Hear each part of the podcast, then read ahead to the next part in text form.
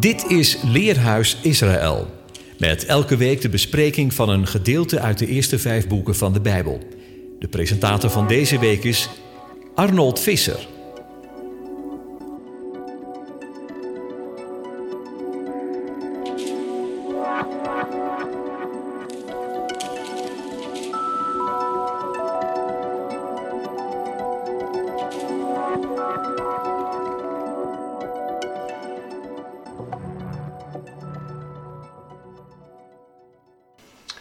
Beste luisteraars, hartelijk welkom bij weer een uitzending van het Leerhuis. Het is alweer de dertiende lezing in onze jaarlijkse Torah-cyclus. De parasha die we gaan behandelen heeft de titel Shemot en dan komen we gelijk op het tweede boek van de Torah dat dezelfde titel heeft. De hoofdtekst van de parasha vinden we in Exodus Shemot 1 vers 1. Daar staat: Dit zijn de namen, Shemot, van de zonen Israëls die naar Egypte zijn gekomen.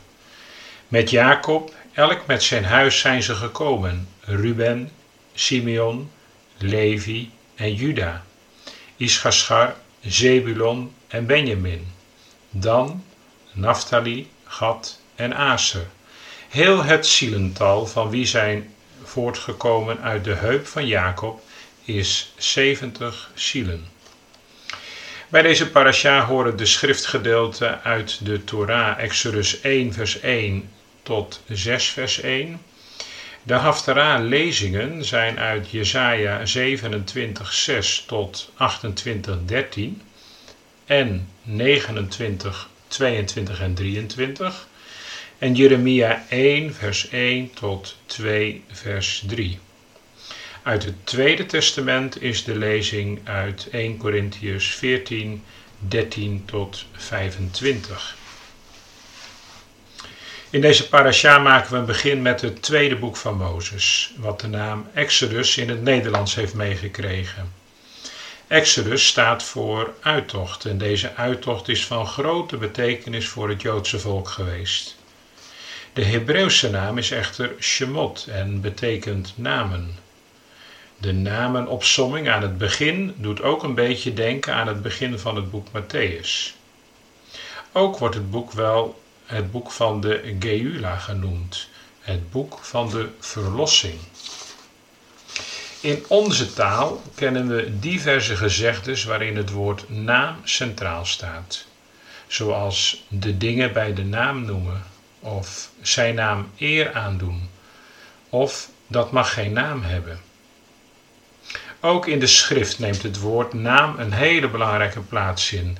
Naast de betekenissen van persoonsnamen zien we dat daar bovenal het gaat om de naam boven alle namen. Een naam geeft identiteit en onderscheid aan een persoon. Het is iets dat in de meeste situaties door ouders is vastgesteld. Hoewel er uitzonderingen zijn waarin de Heer duidelijk zelf aangaf wat de naam moest worden. We zien dit bijvoorbeeld bij Johannes de Doper. Maar ook tussentijdse naamsveranderingen bij bijvoorbeeld Abraham, Sarah en Jacob. De namen in de Torah van personen, plaatsnamen, zijn er om unieke eigenschappen en functies uit te drukken. In het begin van de Bijbel zien we ook dat Adam de taak krijgt om alle dieren van een naam te voorzien. Wellicht zei hij toen ook wel: dit zijn de namen, gelijk aan het begin van deze parasha. Vandaag las ik nog een artikel waarin stond dat Joodse kinderen vaak namen van dieren ontvangen, zoals Vagi, wat vogeltje betekent, of Dof, beer, of Aryeh, leeuw. In de Torah beschrijft Jacob zijn zoon Benjamin als een zeef, Jetrof, Benjamin verslindend als een wolf. En we zien veel meer voorbeelden. De gedachte hierachter is dat elke naam een gebed is. Dat het kind de karaktereigenschappen van het dier mag hebben.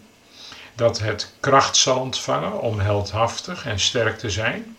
Maar bovenal bereid om Hashem te dienen.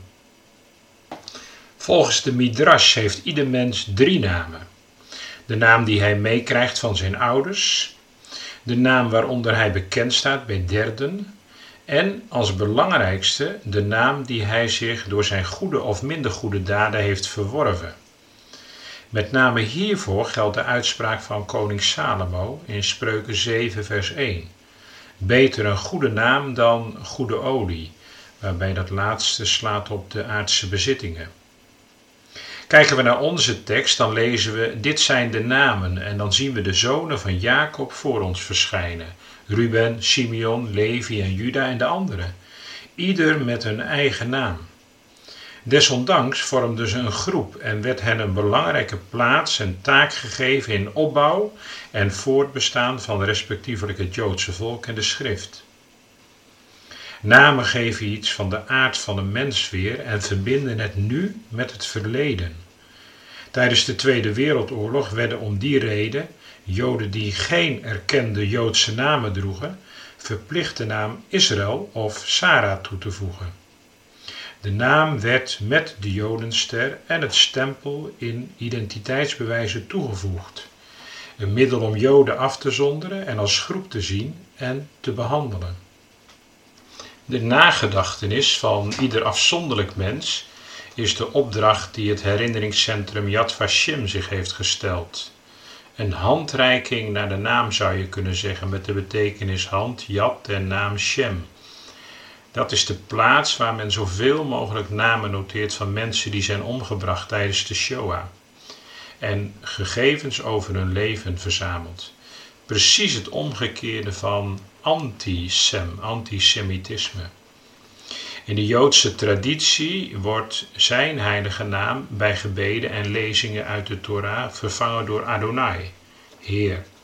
In het dagelijks taalgebruik wordt deze naam vervangen door Hashem, de naam als verwijzing naar zijn barmhartigheid en zijn eeuwigheid. Op die manier kom je de naam ook op straat tegen. Nogal eens antwoordt iemand op de vraag hoe het met hem gaat met Baruch Hashem, gezegend zij de naam. De nabijheid die uit de naam spreekt, neemt niet weg dat de onuitspreekbare naam ook aangeeft dat hij ver verheven is boven de mensheid. Tegelijkertijd is Hij het die zich verbindt met onze geschiedenis door zijn volk te leiden. In de komst, het sterven en opstaan van Yeshua zien we ook de barmhartigheid van Hashem oplichten. Zo zal het zijn. Door de tijden heen is de ene zijn volk nabij en ook wij mogen leven met die belofte. Ik ben met u al de dagen tot aan de voleinding der wereld. Baruch Hashem.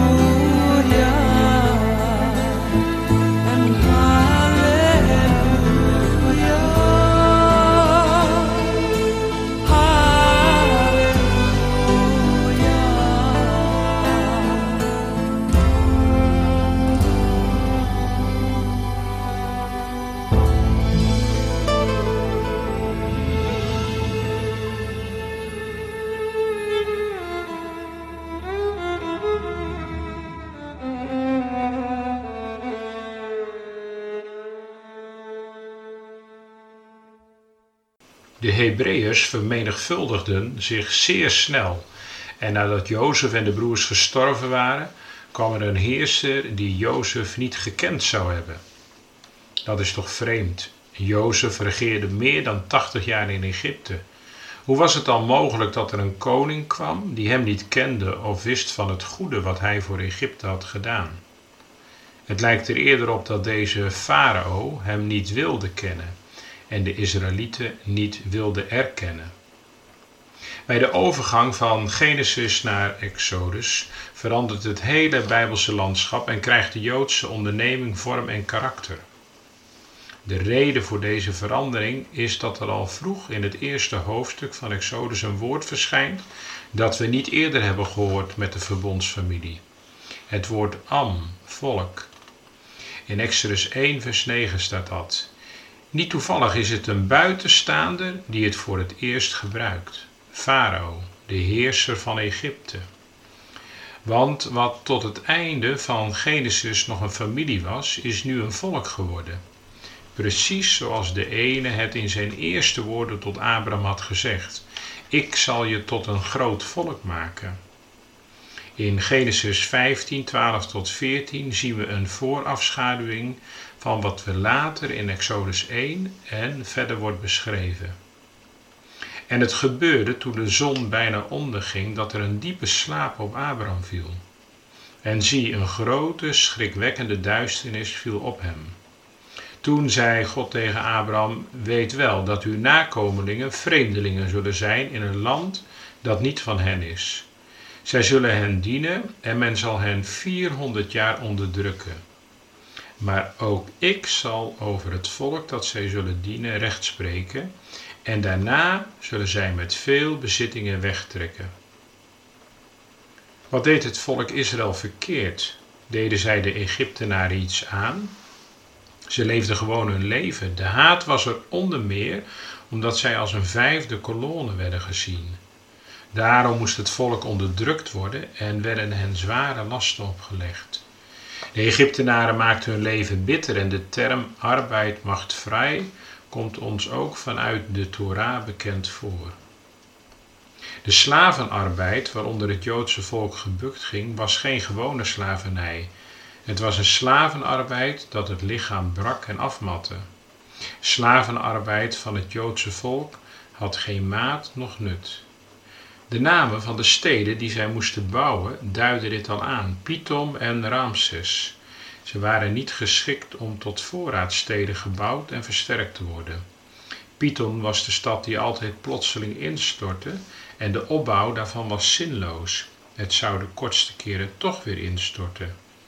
Pitom betekent plotseling in het Hebreeuws.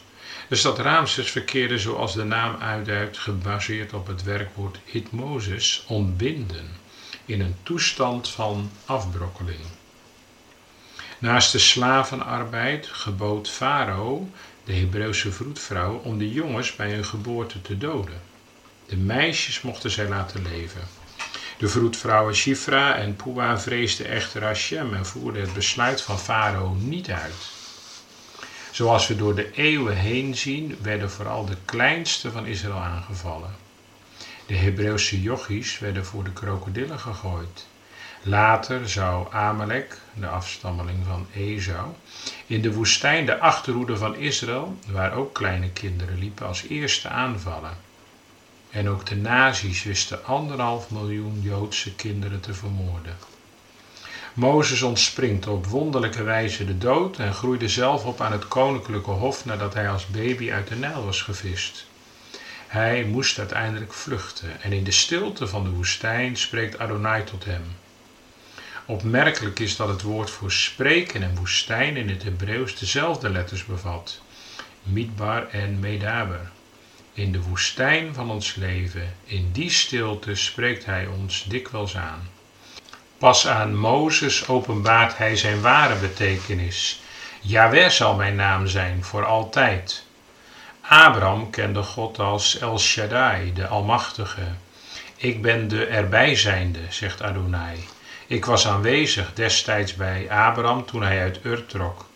Maar ik zal ook bij jullie aanwezig zijn in Egypte en in de toekomende uittochten, de Babylonische, de Romeinse en waar we nog steeds deels in leven. Ik zal erbij zijn. Waarom steeds weer die haat tegen het volk? Wat deed het Joodse volk tegen Rome, tegen Perzië, tegen Polen of Duitsland? We zien de kern weer terug in het boek Esther. Haman zegt dat de Joden een volk zijn die overal verspreid leven en die zich niet aan de regelgeving houden van de koning, maar andere wetten naleven. Het staat er niet bij om welke wetten het gaat, maar het mogen duidelijk zijn dat het zijn regelgeving betreft.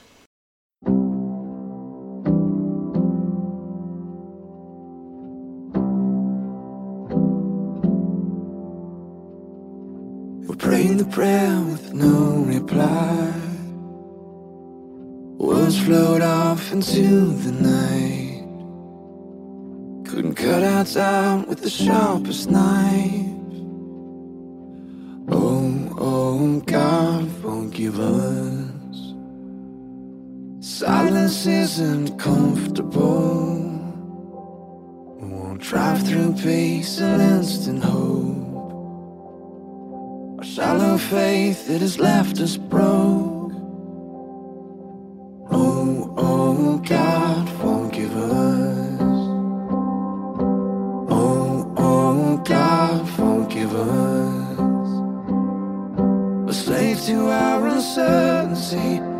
Us with our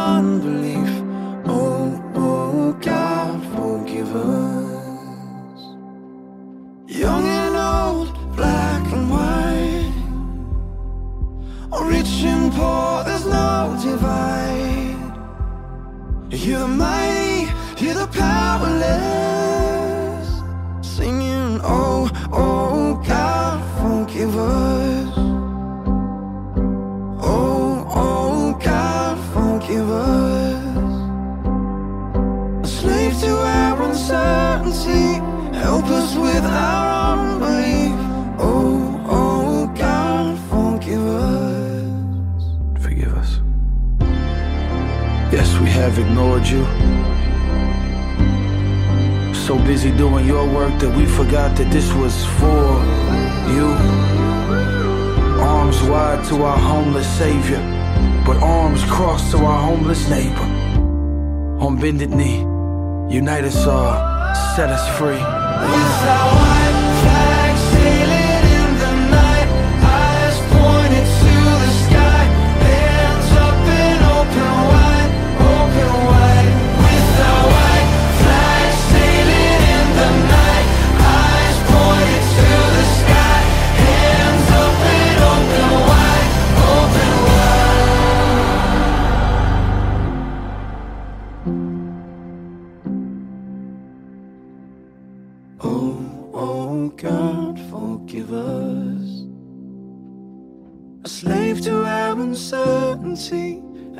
with our unbelief. Oh, oh, God, forgive us. Wat doe je wanneer de ene je roept tot een taak, wanneer je de stem van de eeuwige hoort? In dit verhaal ontmoeten we een Mozes die het erg moeilijk vindt om achter hem aan te gaan. Luisterend naar dit verhaal leren we iets over discipelschap, namelijk dat deze twee vragen steeds centraal staan. Wat zegt de ene tegen mij en wat ga ik daarmee doen? Nee, nee, nee, nee en nog eens nee. Maar liefst vijfmaal probeert Mozes de ene ervan te overtuigen dat hij bij hem aan het verkeerde adres is. Ik wil niet, ik kan niet, ik weet niet, ik heb niet, ik deug niet. Dat is wat er uit Mozes zijn mond komt. Dat is wel heel menselijk en herkenbaar. Maar het is zeker niet het mooiste moment op de weg van Mozes. Hij maakt dat de ene kwaad wordt door zijn pogingen om zijn roeping niet te volgen. Hij zegt: Ik voel me niet geroepen. Ik stuur jou nu naar de farao, zegt de ene. Jij moet mijn volk uit Egypte wegleiden. Een hele heldere roeping, maar Mozes maakt bezwaren. Allereerst, ik deug niet. Wie ben ik? Bescheidenheid ziet een mens. Dat is heel anders dan 40 jaar geleden overigens, toen Mozes op eigen houtje aan de slag ging. Maar Mozes mag zijn naam waar gaan maken. Uit het water getrokken. Nu mag hij het volk uit Egypte leiden. De ene gaat er geduldig op in. Kijk niet naar jezelf, maar naar mij. Ik ben bij je. Dan zegt hij, ik weet niet. Mozes vraagt de ene naar zijn naam. Ik heet Mozes en u. Terwijl de Heer zich net heeft voorgesteld bij de brandende doornstruik. Maar de ene grijpt deze onheuse vraag aan om iets heel dieps over zichzelf te zeggen. Ik ben die er zal zijn. Zo is hij en zo mogen we hem kennen. Genoemd naar Abraham, Isaac en Jacob.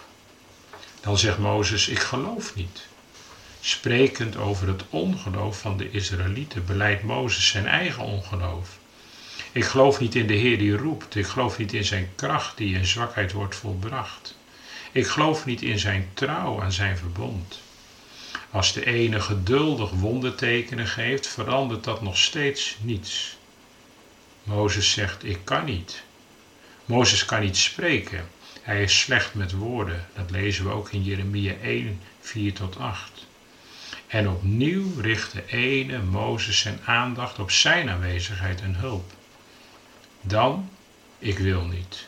Het hoge woord komt eruit, ik voel me niet geroepen, stuur maar een ander. Mozes wil met rust gelaten worden. Hij wil liever schapen weiden dan een volk uitleiden. Het werk moet uiteraard gebeuren, maar laat een ander het maar doen. Dan, dan is het geduld op.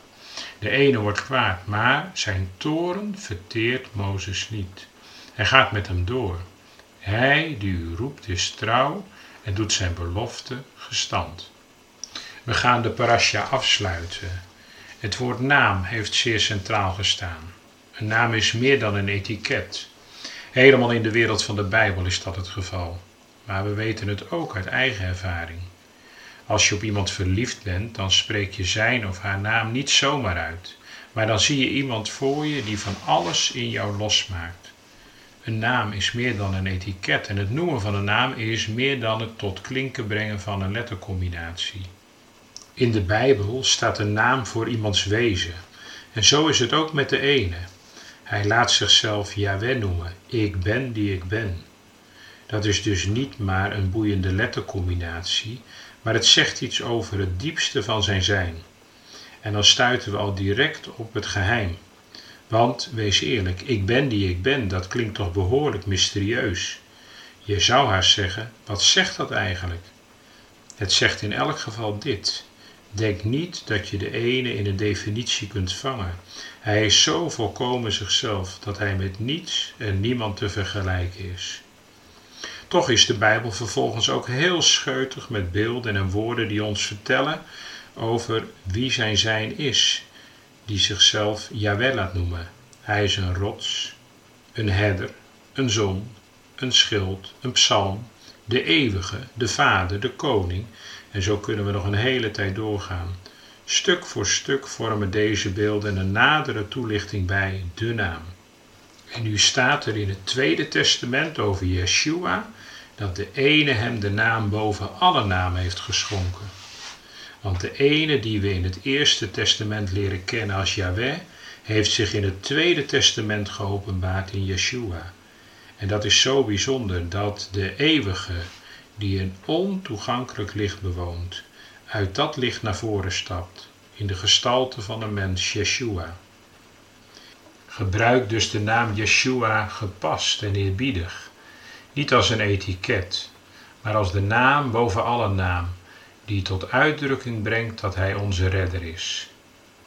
Zoals de naam Yahweh een geheimenis in zich bergt, opengaat in vele andere bijbelse beelden en begrippen, zo heeft ook Yeshua in de Bijbel talloze namen die elk voor zich iets zeggen over wie hij is.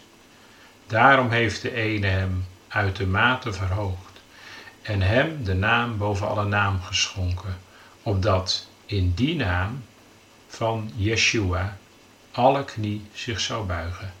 Shabbat Shalom.